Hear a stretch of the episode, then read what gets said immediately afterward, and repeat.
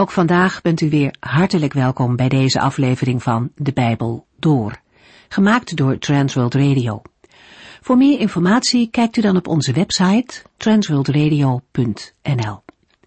In deze serie gaat u in vijf jaar tijd met ons de Bijbel door, van Genesis 1 tot en met het laatste vers in Openbaring 22. De vorige keer begon met het eerste hoofdstuk van het Bijbelboek Titus. De apostel Paulus schreef een brief aan zijn medewerker die op het eiland Kreta was achtergebleven. Zoals gebruikelijk stelt Paulus zich in zijn brieven eerst voor. Deze brief begint hij met zichzelf een dienaar van God te noemen. En dat kenmerkte ook het leven van deze apostel. In alles wat hij zei en deed, wilde hij God dienen. En daarnaast was hij ook apostel van Jezus Christus. Deze positie gaf hem gezag om de gelovigen te onderwijzen over Gods woorden en Gods plannen. Hij sprak niet zomaar, nee, hij had als het ware een volmacht van God om te spreken. Om die reden is het ook voor ons van belang de woorden van de apostel te horen en aan te nemen als woorden van God. Na de aanhef, met een bemoediging, gaat Paulus over tot een aantal concrete zaken. Als eerste het aanstellen van oudsten of leiders. Paulus heeft Titus op Kreta achtergelaten om leiders in de gemeente aan te stellen. En hij geeft in zijn brief een aantal kenmerken waaraan deze leiders moeten voldoen.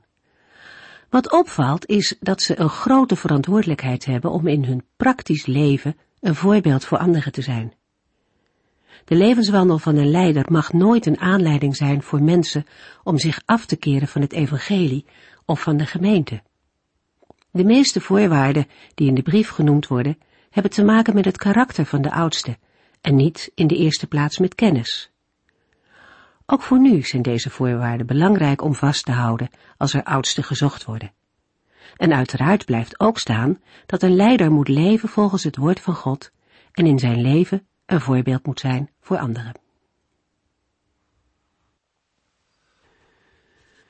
In de vorige uitzending is de apostel Paulus begonnen met het geven van een aantal richtlijnen waaraan een leider of oudste in de gemeente van Christus moet voldoen. In deze uitzending gaan we daarmee verder. Titus 1 vers 8 Zij moeten hun gasten hartelijk ontvangen en al het goede liefhebben. Ze moeten ook verstandig en eerlijk zijn en bovendien geestelijk en sober. De apostel Paulus heeft in vers 7 aangegeven wat een leider niet moet zijn. Niet trots of driftig, niet aan drank verslaafd en niet gewelddadig of hebzuchtig. In vers 8 geeft Paulus aan wat een leider of oudste wel moet zijn. Tegenover de genoemde zaken in vers 7 behoort een oudste of leider herbergzaam te zijn, dat wil zeggen gastvrij en iemand die een vreemdeling graag onderdak biedt. Hij moet iemand zijn die al het goede lief heeft. Bij de woorden al het goede moeten we denken aan beheerst, matig, bezadigd, bezonnen, verstandig, iemand met juist inzicht, iemand die de maat houdt. Een leider is ook verstandig en eerlijk, dat wil zeggen rechtvaardig, iemand die in de juiste verhouding tot zijn medemensen staat, in afhankelijkheid van de Heere, in zijn wegen wandelend, iemand die een ander tot zijn recht laat komen, iemand bij wie een ander terecht kan. Bovendien is hij geestelijk en sober, dat wil zeggen gelovig en vroom, vrij van zondige smetten. Hij staat in de juiste verhouding tot de Heere en leeft in heilige eerbied tegenover God. Bij het woord sober denk ik aan ingetogen, staat in de juiste verhouding tot zichzelf, heeft zichzelf in de hand en is iemand die zijn grenzen kent. Alleen hij die in een goede relatie tot de Heere zijn medemensen en tot zichzelf is gekomen, kan in de gemeente als leider en oudste dienen. Titus 1 vers 9 Hun geloof in de waarheid, die hun geleerd is, moet sterk en onwrikbaar zijn. Dan zullen zij anderen kunnen bemoedigen en de tegenstanders laten zien dat ze ongelijk hebben. De laatste voorwaarde voor het leider of opzienerschap is wel het hoogtepunt, Een oudste of een leider moet vasthouden aan het betrouwbare woord van God dat hem is geleerd. Hiermee wordt het onderwijs van de gezonde leer bedoeld. Net als in 1 Timotheus 3 vers 2 gaat het hier om het onderwijs dat gericht is op de praktijk van het leven. De oudste of leider leidt de gemeente niet op drijfzand, maar zorgt ervoor dat de gemeente grond onder de voeten heeft, of krijgt door de zuivere verkondiging van het woord van de Heer. Dit geloof in de waarheid die hun is geleerd, kan er alleen maar zijn als het zich richt op de leer en waarheid, zoals die door de Heer Jezus en de apostelen als betrouwbaar fundament is gelegd. Alleen als een leider of oudste dit voor ogen houdt en zich daaraan vastklampt, is hij in staat en paraat om de gemeente te vermanen, aan te sporen en te bemoedigen. Zo ontstaat een gezonde gemeente. De woorden de tegenstanders laten zien dat ze ongelijk hebben, ziet op het vermanen, maar ook op de geestelijke leiding en herderlijke zorg. Alleen zo is de opziener of leider ook in staat om tegensprekers te weerleggen. Dit weerleggen heeft de notie van verdedigen, maar ook van overtuigen. Als het weerleggen op de juiste wijze gebeurt, zullen de tegenstanders het onjuiste van hun tegenspraak gaan inzien, zodat zij tot verandering en bekering komen en anders gaan denken.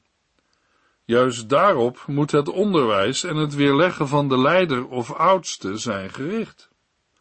Titus 1 vers 10 Want er zijn er velen die weigeren te gehoorzamen.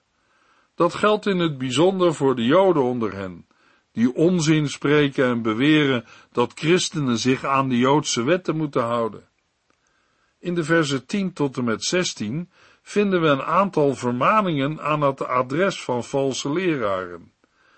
Blijkbaar zijn deze valse leraren op Kreta uit hetzelfde hout gesneden als die in Efeze. In 1 Timotheus 1, vers 3 tot en met 11 schreef Paulus aan Timotheus: Ik herinner je aan wat ik je heb opgedragen toen ik naar Macedonië vertrok. Blijf in Efeze en houd mensen die een verkeerde leer brengen ervan af die uit te dragen. Zij houden zich eindeloos bezig met verzinsels en stambomen. In plaats van mensen te helpen Gods plan in geloof te aanvaarden, roepen zij moeilijkheden op. Het doel van elke terechtwijzing is liefde die uit een zuiver hart komt, een eerlijk geweten en een oprecht geloof. Deze valse leraren zijn het spoor bijster en verknoeien hun tijd met zinloos gepraat. Ze zouden graag uitleggers van de Joodse wetten willen worden, maar ze weten niet waar ze het over hebben en begrijpen niets van wat ze met stelligheid beweren. Die wetten zijn goed als ze worden toegepast op de manier zoals God het bedoeld heeft. Ze zijn er niet voor rechtvaardige mensen, maar voor gewetenloze en onreine mensen, voor zondaars die alles wat heilig is verachten en ontwijden, voor mensen die hun ouders misdadig behandelen en zelfs voor moord niet terugschikken, die ontucht plegen met volwassenen en met kinderen, die anderen als slaven verkopen, die zich schuldig maken aan leugens en mijneed. En allerlei dingen doen die ingaan tegen de gezonde leer, die in overeenstemming is met het geweldige nieuws van onze goede God, van wie ik een boodschapper ben. Ook in de brief aan Titus wordt gesproken van mensen die ongehoorzaam zijn, die zich niet willen onderwerpen aan Gods woord. Ze leven ongeregeld, spreken onzin en beweren dat christenen zich aan de Joodse wetten moeten houden. Hierbij moeten we denken aan spitsvondige redeneringen van Joodse wetsleraars. Het zijn verleiders en bedriegers. Ze leiden mensen op een dwaalspoor. Van de mensen die hier worden aangeduid zijn er velen. Titus moet op zijn quivive zijn. Enerzijds moeten de juiste mensen geselecteerd worden voor het ambt van leider of oudste. Anderzijds hebben de leiders een belangrijke taak in het voorkomen en bestrijden van hen die ongehoorzaam zijn. De meeste last heeft de gemeente blijkbaar van de Joden onder hen. Ongetwijfeld gaat het dan om Joden die christen zijn geworden, maar die de Joodse wetten zo wezenlijk vinden dat ze die willen opleggen aan niet-Joden die christen willen worden of zijn geworden. En dat ondanks de besluiten van het apostelconvent uit Handelingen 15. Vooral de leer van deze Joodse wetleraars maakt door hun godsdienstige achtergrond meer indruk. Titus 1 vers 11 Men moet deze mensen de mond snoeren. Ze brengen hele families in verwarring. Daar moet een einde aan komen. Dat soort leraren brengt een verkeerde leer en is alleen maar op geld uit. De voorschriften die Paulus aan Titus geeft om deze dwaalleraars te bestrijden zijn rigoureus. Voor een gezonde kerk zijn wel eens harde maatregelen nodig. De mondsnoeren kunnen we ook vertalen met muilkorven. Dat misleidende geklets bederft de goede gezondheid. Ze spreken onzin. Deze onzinsprekers moet de gelegenheid ontnomen worden om invloed uit te oefenen in de gemeente in de publieke samenkomst, maar ook in het overige leven van de gemeente. Anders raken er hele families in verwarring. De dwaalleraars leren wat niet behoort, dingen die in strijd zijn met de apostolische overlevering. We kunnen dan onder andere denken aan wonderlijk gepraat over de geschiedenissen van het Oude Testament en het zich strikt houden aan de Joodse voedselwetten. 1 Timotheus 1 vers 7 spreekt over mensen die graag uitleggers van Joodse wetten willen worden, zonder dat zij doorhebben en begrijpen wat de wet van de Heere te zeggen heeft. Dat deze leer gevaarlijk is, blijkt ook uit de bedoeling die valse leraars ermee hebben. Ze zijn alleen maar op geld uit. Ze zijn begeerig naar geld, inhalig, hebzuchtig. Op zo'n manier zijn ze schandelijk en schadelijk bezig en profileren zij zichzelf als vals en leugenachtig. Titus 1 vers 12 Een van hun eigen profeten, ook van Kreta afkomstig, heeft over hen gezegd, de Cretensers zijn allemaal leugenaars, beesten zijn het en ze denken alleen maar aan veel eten. Om de bewoners van Kreta beter te karakteriseren, haalt Paulus een uitspraak aan van een van hun eigen profeten, namelijk Epimenides. Een van hun eigen profeten geeft een negatieve beoordeling van de Cretensen. Dan moet het toch wel heel erg met hen zijn gesteld. De Cretensers zijn allemaal leugenaars, beesten zijn het, en ze denken alleen maar aan veel eten. Zo'n negatief getuigenis liegt er niet om. Het opbouwwerk dat Titus in opdracht van Paulus moet gaan doen, zal op Kreta niet makkelijk zijn. Het betekent dat je op de woorden van de Cretensen niet aan kunt. Het zijn immers allemaal leugenaars. Zij verdraaien woorden, spreken halve waarheden, zeggen ja als het nee is en andersom. Ze zijn trots en eigenzinnig. Vandaar dat hen de mond moet worden gesnoerd. De volgende typering, beesten, sluit nog beter aan bij vers 7. De Cretensen zijn driftig en gewelddadig. De woorden ze denken alleen maar aan veel eten duidt aan dat het hun alleen te doen is om veel eten en drinken. Kortom, de Cretensers willen zich uitleven. Het past bij de woorden uit vers 7, namelijk aan drank verslaafd en hebzuchtig. Aan deze negatieve kenmerken van de Cretensers zijn dan nog eens woorden toegevoegd die de beschrijving nog donkerder maken. Ze zijn allemaal beesten en leugenaars en denken alleen aan veel eten. Het was een reputatie waar de Cretensers niet blij mee waren. Toch vindt het evangelie er ingang, want er zijn christelijke gemeenten de gemeente waar Titus zijn opdracht van de apostel Paulus moet uitvoeren. Paulus schrijft in Titus 1, vers 13 en 14, en wat hij zei is waar. Laat de christenen van Kreta dan ook duidelijk zien dat ze ongelijk hebben, zodat zij sterk worden in het geloof en niet langer luisteren naar Joodse verzinsels en naar mensen die de waarheid terug hebben toegekeerd. Alsof dit nog niet genoeg is, voegt Paulus er in vers 13 nog aan toe. En wat hij zei is waar. Met andere woorden, wat hun eigen profeet van hen had gezegd was waar. Het is een getuigenis wat gebaseerd is op wat iemand gezien, gehoord en ervaren heeft. Ook Paulus heeft het zelf geconstateerd.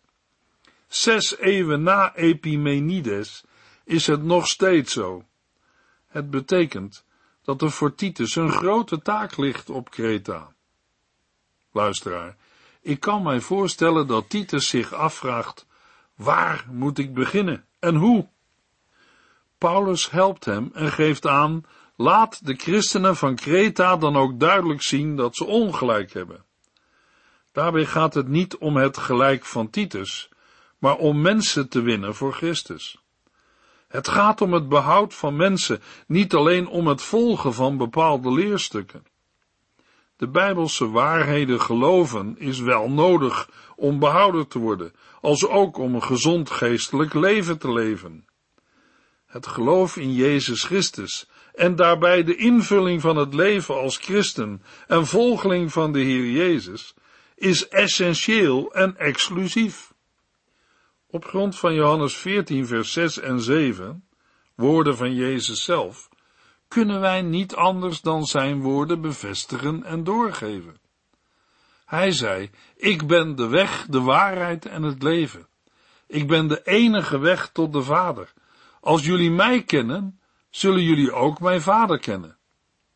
Luisteraar, dat is niet hetzelfde als alle godsdiensten zijn gelijk, of iedereen zal wel een beetje van de waarheid hebben. Nee, dat is niet wat de Heer Jezus zegt. Hij zegt, ik ben de enige weg tot de Vader. Redding is er alleen door Hem, voor Joden en niet-Joden. Een andere weg is er niet en een andere waarheid ook niet.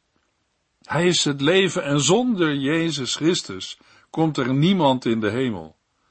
Dat heeft geen kerk of christelijke gemeente bedacht. Het is ook geen besluit van een kerkelijke vergadering of concilie. Het zijn Jezus' eigen woorden. Het is alleen de vraag of u en jij de Heer Jezus op zijn woord gelooft. Titus moet scherp zijn en streng. Vermaning, correctie en tucht zijn niet leuk, zeker hier op Kreta niet, waar veel misstanden opgeruimd moeten worden. Het doel van de vermaning, correctie en tucht mag dan ook niet uit het oog worden verloren, zodat ze sterk worden in het geloof en niet langer luisteren naar Joodse verzinsels en naar mensen die de waarheid de rug hebben toegekeerd. Door streng en duidelijk te zijn, kan Titus voorkomen dat mensen luisteren naar Joodse verzinsels en allerlei geboden. Het zijn zaken die hen worden voorgehouden door mensen die de waarheid de rug hebben toegekeerd. Allerlei menselijke verzinsels worden aan Gods woord toegevoegd en er uiteindelijk voor in de plaats gesteld. Blijkbaar droegen de Joodse verzinsels een sterk wettisch karakter en werd eindeloos uitgepluist wat nu wel mocht en wat niet. Daarbij kunnen we denken aan de woorden, blijf af, eet dat niet en raak dat niet aan, waarin het gaat om ascese, het zich onthouden van eten en genot. Omdat er verder geen concrete zaken worden genoemd, bedoelt Paulus ongetwijfeld allerlei geboden, zowel van Joodse als van heidense herkomst. Paulus zegt dat de Cretensers niet langer naar de Joodse verzinsels moeten luisteren, en dat zij niet langer moeten luisteren naar mensen die de waarheid terug hebben toegekeerd. Een gelovige, die zich in Christus gereinigd weet, kent geen onderscheid meer van reine en onreine dieren. Een gelovige mag staan in de vrijheid van het geloof in Jezus Christus. Uit de evangelie weten wij dat de Heer Jezus de Joodse godsdienstige vermaande omdat zij hun eigen tradities toevoegden aan de wet van God. Want het onderwijs in de Joodse wetten gaat over twee niveaus. 1. Dat een mens door het houden van de Joodse wet kan worden gered. En 2. Dat een mens naar de Joodse wet moet leven. Beide zijn door het verzoeningswerk van Christus volbracht en vervuld, zodat nu de boodschap van het nieuwe verbond de boodschap is van het evangelie van Jezus Christus. Een mens, Jood of niet-Jood, wordt gered door de genade van God, op grond van het offer van Christus aan het kruis, niet door het houden van de Joodse wetten. Voor een christen zijn Gods wetten een leefregel van dankbaarheid, maar ook een vermaning om tot Christus te gaan met zonde en overtredingen. Titus 1 vers 15 Wie zuiver van hart is, ziet in alles het goede en zuivere. Maar wie in zijn hart slecht en onbetrouwbaar is, ziet in alles het slechte, want zijn gedachten en geweten zijn bezoedeld. Als mensen niet door de werken, maar door het geloof gerechtvaardigd en geheiligd worden, dan zijn zij rein of zuiver van hart. Van deze heiliging van binnenuit gaat een reinigende invloed uit. Tegenover een zuiver hart staat een hart dat slecht en onbetrouwbaar is, wat te vergelijken is met gelovig en ongelovig. De beste daden die ongelovigen doen, zijn voor de Heere onrein, omdat ze voortkomen uit een onrein inzicht en geweten, uit een van nature slecht en onbetrouwbaar hart. In een andere vertaling wordt vers 15 als volgt weergegeven. Alle dingen zijn wel rein voor de reinen, maar voor de bevlekten en ongelovigen is geen ding rein, maar beide, hun verstand en geweten zijn bevlekt. Bij het woord gedachten of verstand gaat het om de mens in zijn diepste zelfbewustzijn. Zoals hij daarin enerzijds in relatie staat tot God en zoals dit anderzijds bepalend is voor de aard van zijn manier van leven. Het geweten is de instantie die als een getuige de innerlijke gevoelens en motieven waarneemt en beoordeelt. Het geweten is niet hetzelfde als de stem van God in ons, maar moet juist onderworpen worden aan de Heere en zijn woord. Zowel onze gedachten, verstand en geweten moeten gereinigd worden. Bij de bezoedeling of besmetting en verontreiniging gaat het niet om een paar vlekjes. Net als bij een cultische onreinheid staat een mens door innerlijke bezoedeling of besmetting buiten de gemeenschap met God. Het is één van beide. De mens is rein of onrein. In Matthäus 15, vers 18 tot en met 20 zegt de Heer Jezus, maar wat een mens zegt, komt van binnenuit, uit zijn hart. Daardoor wordt de mens onrein, want uit het innerlijk komen slechte gedachten, moord, overspel, ontucht, diefstal, leugen en roddel voort. Daardoor wordt de mens onrein, en niet door te eten zonder de handen te hebben gewassen. Titus 1 vers 16 Zulke mensen zeggen wel dat ze God kennen, maar uit hun doen en laten blijkt dat het niet waar is. Ze zijn door en door slecht en ongehoorzaam. Er komt niets goeds uit hun handen. Bij mensen die zeggen dat zij God kennen, moeten we in dit verband denken aan de mensen die de Joodse verzinsels verkondigen. Op een heel algemeen niveau zeggen zij hetzelfde als de apostelen, namelijk met betrekking tot geloof in God. Maar uit hun doen en laten blijkt dat het niet waar is. Met hun werken verloochenen zij de Heere. Woord en daad gaan in de dwaling niet samen. De nadruk ligt in vers 16 op het door en door slecht en ongehoorzaam zijn. En het gevolg daarvan is, er komt niets goeds uit hun handen. Het afschuwelijke van hun levenswandel en hun ongehoorzaamheid aan de Here bevestigen hun levensstijl. Een levensstijl van eigenzinnigheid, luiheid, geldzucht, trots en gewelddadigheid beantwoordt niet aan Gods bedoeling. Met al hun nadruk op het houden van de Joodse wetten, komen zij aan de goede werken, zoals de Heer ze heeft bedoeld, niet toe. Goede werken voldoen niet alleen aan de voorwaarden van Gods wet, maar komen ook voort uit een waar geloof en zijn gericht op de eer van God. We lezen verder in Titus 2. In het eerste vers lezen we, maar jij moet vrij uitzeggen hoe een christen hoort te leven. Tegenover de Joodse verzinsels en de taal van mensen die de waarheid van God de rug hebben toegekeerd, roept de apostel Paulus Titus op om vrij uit te zeggen hoe een christen hoort te leven. Titus moet erop gericht zijn om Gods woord door te geven. Dat is zijn allereerste opdracht. Daarnaast moet hij in zijn gedrag laten zien hoe een christen hoort te leven. Het christelijk leven staat niet los van de christelijke leer of boodschap, maar is er juist een vrucht van.